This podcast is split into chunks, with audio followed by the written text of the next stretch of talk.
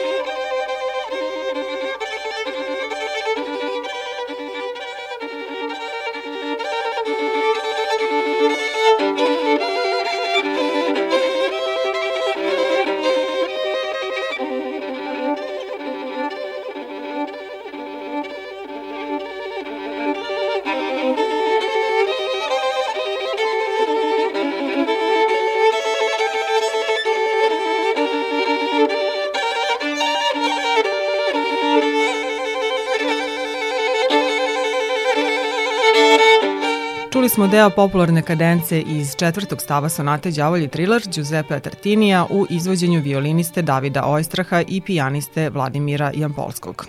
To je zapravo varijanta kadence koju je zapisao violinista i kompozitor Fritz Kreisler i koja se danas najčešće izvodi.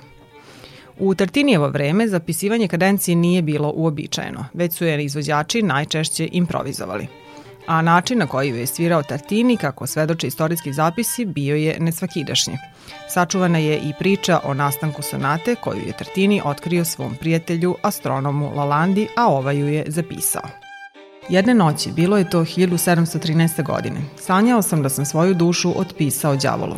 I onda je sve išlo na moj mig – Đavo, moj novi sluga, mi ispunjavao svaku želju. Tada mi je palo na pamet da mu dam violinu i vidim da li je u stanju da na njoj odsvira nešto lepo. No kako je veliko bilo moje iznenađenje kada sam začuo jednu sonatu, tako čudesnu i tako lepu, sa toliko umetnosti i poniranja izvedenu da je nije mogao doseći ni najsmeliji let fantazije. Bio sam toliko zanet, oduševljen, očaran da mi je dah zastao i ja se probudih. Odmah dohvatih svoju violinu da bih sačuvao bar jedan deo tonova koje sam čuo u snu. Uzalud. Istina, muzika koju sam tada komponovao je najbolje što sam u svome životu učinio i ja je još uvek nazivam đavoljom sonatom. Ali razlika između nje i one koja me je tako snažno bila impresionirala toliko je velika da bih najradije razbio moj instrument i zauvek se odrekao muzike – kada bi mi samo bilo moguće da se otrgnem od zadovoljstva koje mi ona pričinjava. Priča o Tartinijevom snu bila je poznata širom sveta, te je inspirisala likovne umetnike da je ovekoveče na svoj način. Poznat je crtež francuskog slikara Luja Leopolda Boelija iz 1824. godine, vek nakon nastanka sonate, nazvan Tartinijev san. Nekoliko decenija kasnije, tačnije 1868. godine, engleski umetnik James Marshall naslikao je delo sa istim nazivom. Originalno napisana za violinu i basso continuo, odnosno čembalo, sonata je veoma zahtevna za izvođenje. Osim izuzetne brzine pokreta, violinista mora istovremeno da svira na dve susedne žice. Početak sonate uopšte ne odaje utisak da je reč o đavolskoj svirci. Prvi i drugi stav slušamo u izvođenju violiniste Isaka Perlmana i pijaniste Samuela Sandersa.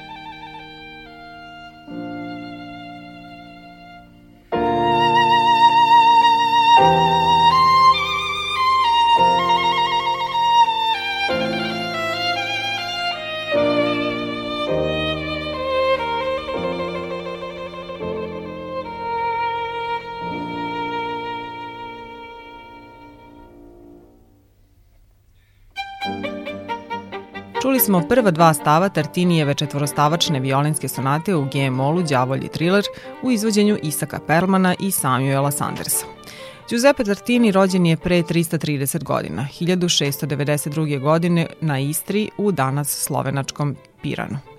Prema očevoj volji studirao je teologiju, a po svojoj želji pravo u Padovi.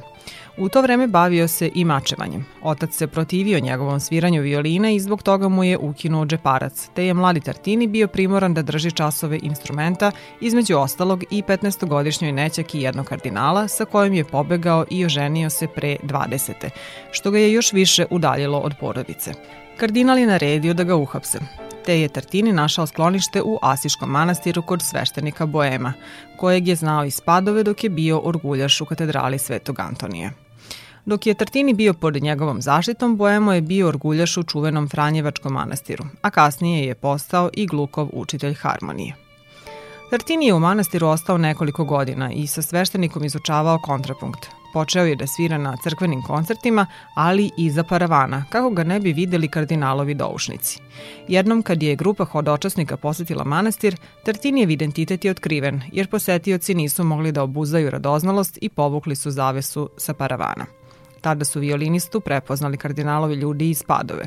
Ali ipak, kardinal je obuzdao gnev i 23-godišnji Tartini se vratio njegovoj nećaki u Padovu ali ubrzo ju je ponovo napustio. U Veneciji je čuo sviranje Antonije Veračinija i shvatio da mu nije dorastao. Zato se povukao u Ankonu gde je neumorno vežbao kako bi usavršio tehniku sviranja. Kada se vratio na koncertne podijume, nije više imao kome da zavidi. Tartini je postao poznat širom Italije kao najbolji violinista. Godine 1921. postaje prvi violinista kapele Del Santo u Padovi. Dve godine potom pozvan je u Prag da svojom virtuoznošću uveliča krunisanje Karla VI. U tom gradu ostaje tri godine na mestu dirigenta privatnog orkestra Grofa Kinskog. Potom se vraća u Padovu gde je do kraja života bio angažovan kao vođa orkestra katedrale Svetog Antonija. Đavolji triler je Tartinijevo najpoznatije delo, ali čuvena je još jedna njegova violinska sonata u G-molu, Didone Abandonata, napuštena Didona. Čućemo je u izvođenju violiniste Davida Ojstraha i pijaniskinje Fride Bauer.